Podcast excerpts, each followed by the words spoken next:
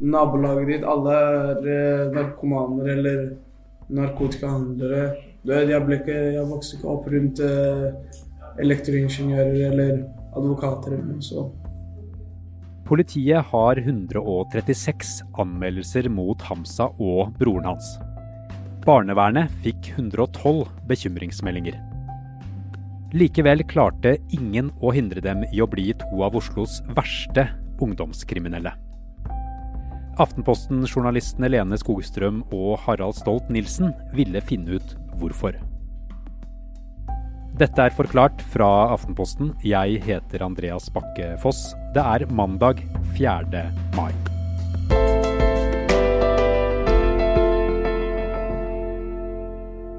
Vi kaller brødrene for Hamza og Ahmed, men egentlig heter de noe annet.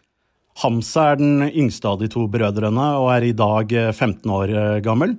Hvis jeg skal beskrive Hamza, så er han energisk. Han klarer nesten ikke å sitte i ro. Hallo!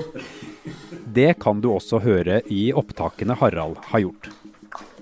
Hamza kan plutselig klikke med tunga eller fikle med en kopp hvis han kjeder seg. Er ganske impulsiv, og personlig syns jeg at han er ganske morsom. Men han er også den av de to brødrene som politiet og barnevernet er mest bekymra for.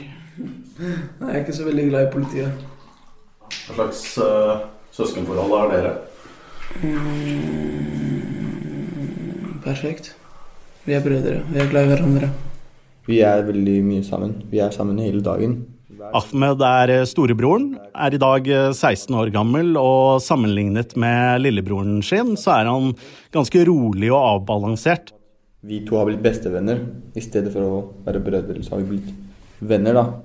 Han er mer forsiktig og tenker seg godt om før han svarer, og er mer reflektert. Men også han, i likhet med broren sin, er ganske full av energi. Foreldrene deres kom til Norge fra Irak på 1990-tallet. Både Ahmed og Hamza er født i Norge, og de får også en lillesøster.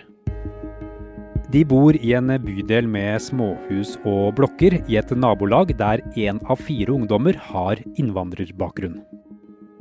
Etter noen år så skiller foreldrene seg og flytter til hver sin kommunale bolig. Moren har en deltidsjobb, faren jobber ikke. Da de var små, var guttene stort sett som andre barn. Ahmed likte å gå på skolen og var spesielt glad i matte. Hamza var nok litt mer rebelsk og beskrev seg selv i hvert fall som lederen i gjengen på barneskolen. De likte Star Wars, Transformers, drev med kampsport og annen idrett. Når kom den første bekymringsmeldingen til barnevernet? Da var guttene syv og åtte år gamle. Da hadde politiet vært innom familien etter en melding om vold, og barnevernet ble da varsla. Da setter også barnevernstjenesten i bydelen i gang en undersøkelse, men den blir ganske raskt henlagt fordi de mener at omsorgen er god nok. Og det skal også legges til at her reagerer barnevernet raskt og effektivt. Det skiller seg nok ut i forhold til det som skulle komme senere. Hvordan gikk det på skolen?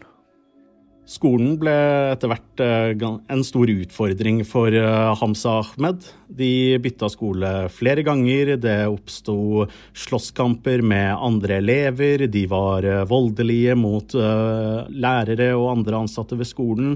Det ble også sendt godt over 30 bekymringsmeldinger fra ulike skoler til barnevernet, fordi guttenes oppførsel og foreldrenes manglende evne til å få guttene til å faktisk endre seg, frustrerte skolene noe enormt. Flere lærere ble også syke pga. guttene, ifølge en av rektorene ved guttenes uh, ulike skoler. Uh, og guttene sier selv at de hadde bare hverandre på denne tiden. De andre barna ville ikke være med dem, og de ble på mange måter fryst ut av fellesskapet. Jeg følte meg ikke helt velkommen der. altså. Det var litt sånn Alle hadde sin egen greie, og alle gjorde sin egen greie. Så jeg følte ikke at jeg var velkommen på skolen. Så det skapte litt problemer. I stedet for å prøve å hjelpe meg, så prøvde de heller å ødelegge meg og prøve å De var jo mer sånn at de, hver gang de var barnevernet, de ville heller at barnevernet skulle putte meg i institusjon. Veldig opptatt av det, i stedet for å hjelpe meg å komme og hjelpe meg på skolen. liksom. Fra 2015 til i fjor har antallet unge gjengangere i Oslo økt kraftig. I den samme perioden registrerer politiet de to brødrene som mistenkt eller siktet i 136 saker. Nesten alle henlegges fordi brødrene er under den kriminelle lavalderen på 15 år. De har to litt uh, ulike veier inn til uh, de kriminelle miljøene. Hamza forteller selv at han oppsøkte det kriminelle miljøet fordi han så at andre hadde dyre sko, klær, telefoner og lignende, og at han selv også ville ha det. Så han oppsøkte rett og slett en i nabolaget der faren bodde, som han visste solgte narkotika. Til slutt så ga personen etter og lot Hamsa få selge hasj i en alder av 12-13 år. Ahmed derimot eh, sier at han ble rekruttert inn i det kriminelle miljøet av eldre gutter som han så opp til. Og så han begynte å selge narkotika på Grønland og Tøyen eh, som broren sin. Men etter hvert så gikk han over til å kjøpe narkotika fra andre, for så å selge det selv. Fordi han var redd for å opparbeide seg gjeld til de andre kriminelle. Hvordan utviklet det seg for Hamza og Ahmed? Etter hvert så ble de involvert i flere masseslagsmål i Oslo sentrum. De, var, eh, de sto bak flere ran. De var også involvert i en rekke alvorlige slagsmål eh, som politiet måtte bruke store ressurser på. Hvilke institusjoner er det som har vært involvert i løpet av eh, oppveksten til disse to brødrene? Et enklere spørsmål hadde vel vært eh, hvem har ikke vært involvert? Eh, men i løpet av de siste ni årene så har både skoler, barnevernstjenesten i bydelen, Barne- og familieetaten i Oslo, uteseksjonen, legevakta og politiet vært inne i saken. Det har eh, til tider vært eh, ganske stor frustrasjon blant eh, spesielt skolene og politiet over at barnevernet ikke har fått guttene til å endre seg, og det gikk til slutt så langt at en rektor valgte å klage inn barnevernstjenesten til Fylkesmannen over manglende tiltak. Hamza og Ahmed har etter hvert blitt plassert rundt av barnevernet. Og de har begge vært innom Ungdomsakutten, som er en barnevernsinstitusjon som minner mye om et ungdomsfengsel. Etter hvert ble det til og med opprettet en egen institusjon bare for dem, og til slutt fattet barnevernet et overraskende vedtak. De bestemte seg rett og slett for å sende guttene til Irak uten returbillett. Vi er straks tilbake. Harald, hvorfor ville barnevernet sende brødrene til Irak? På det tidspunktet så hadde Hamza tilbrakt godt over 100 dager ved ungdomsakutten i Oslo. Han har rømt derfra og blitt funnet i svært dårlig tilstand. Ahmed har også rømt fra ungdomsakutten og fra institusjonen som ble opprettet for dem. Da bestemmer barnevernstjenesten seg for at uh, det beste tiltaket er rett og slett å sende dem til Irak, uten en klar plan egentlig for når de skal komme tilbake til Norge. I en redegjørelse for dette valget så skriver uh, da barnevernstjenesten at å sende dem dit kunne utgjøre en tett, positiv sosial kontroll som sto i motsetning til det barnevernstjenesten opplevde som kulturtomme rom i Norge. Men hva betyr det? Hva betyr kulturtomme rom?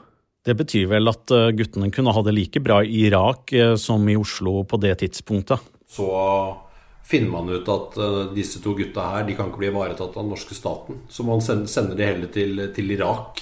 Valget om å sende dem til Irak har også fått forsvarerne deres til å reagere ganske kraftig.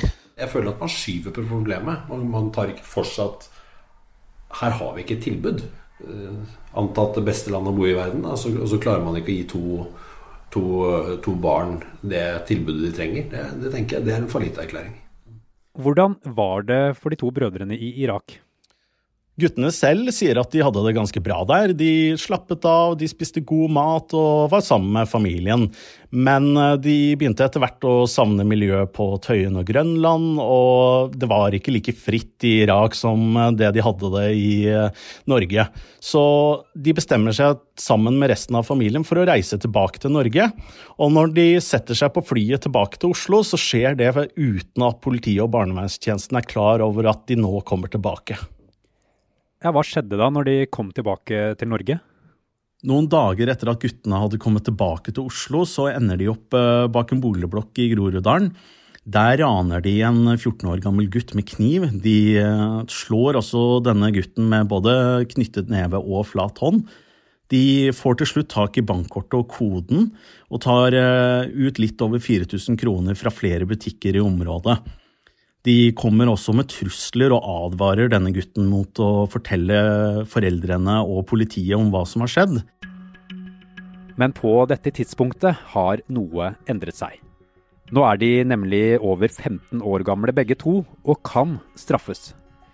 Så etter ranet havner de to brødrene for første gang i hvert sitt ungdomsfengsel.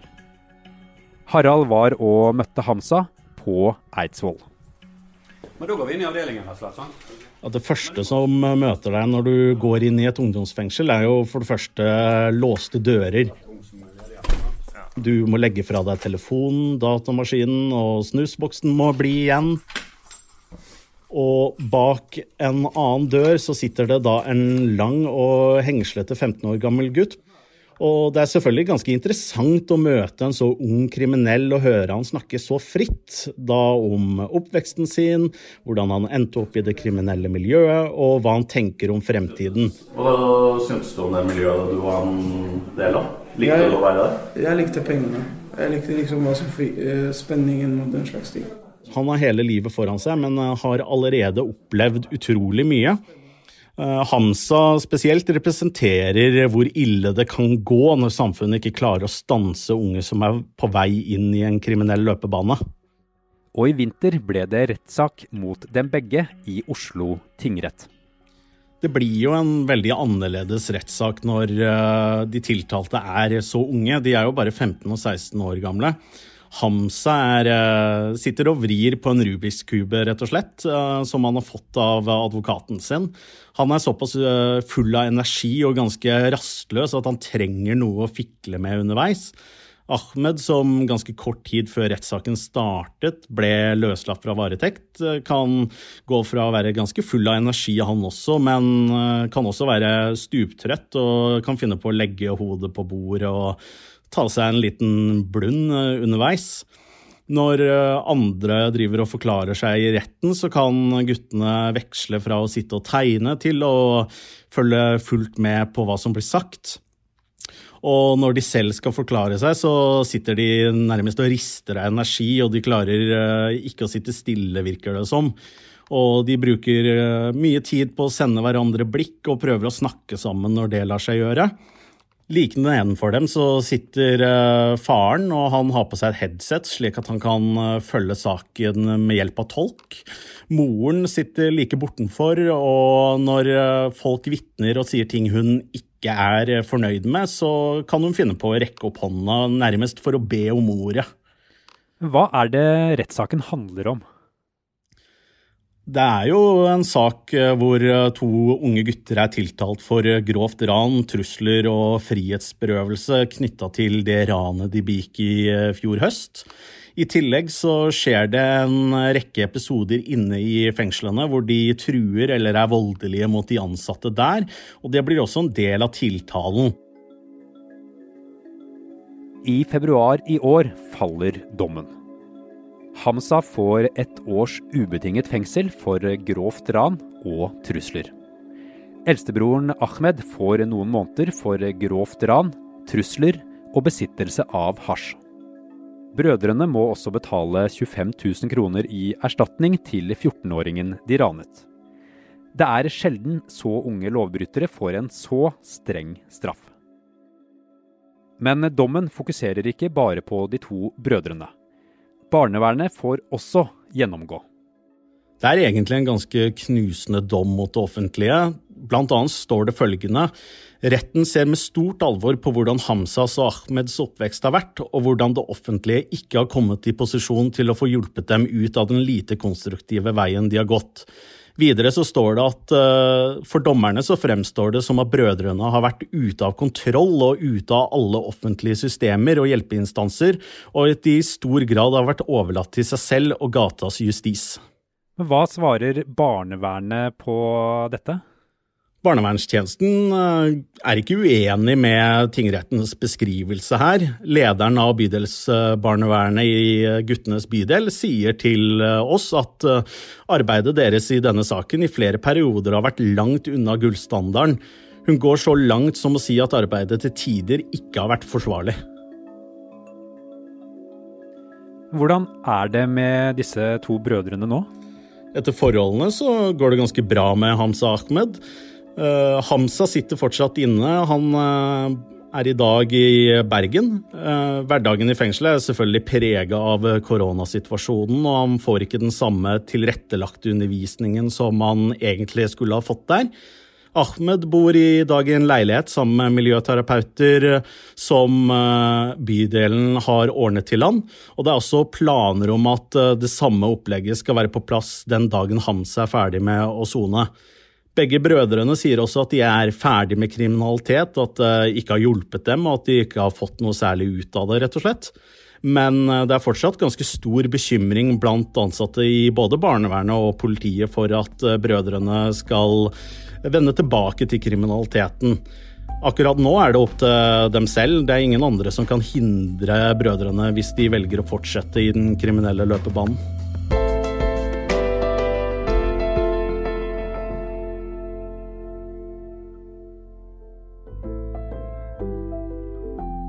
Forklart lages av Caroline Fossland, Anne Lindholm, Fride Næss Nonstad og meg, Andreas Bakke Foss.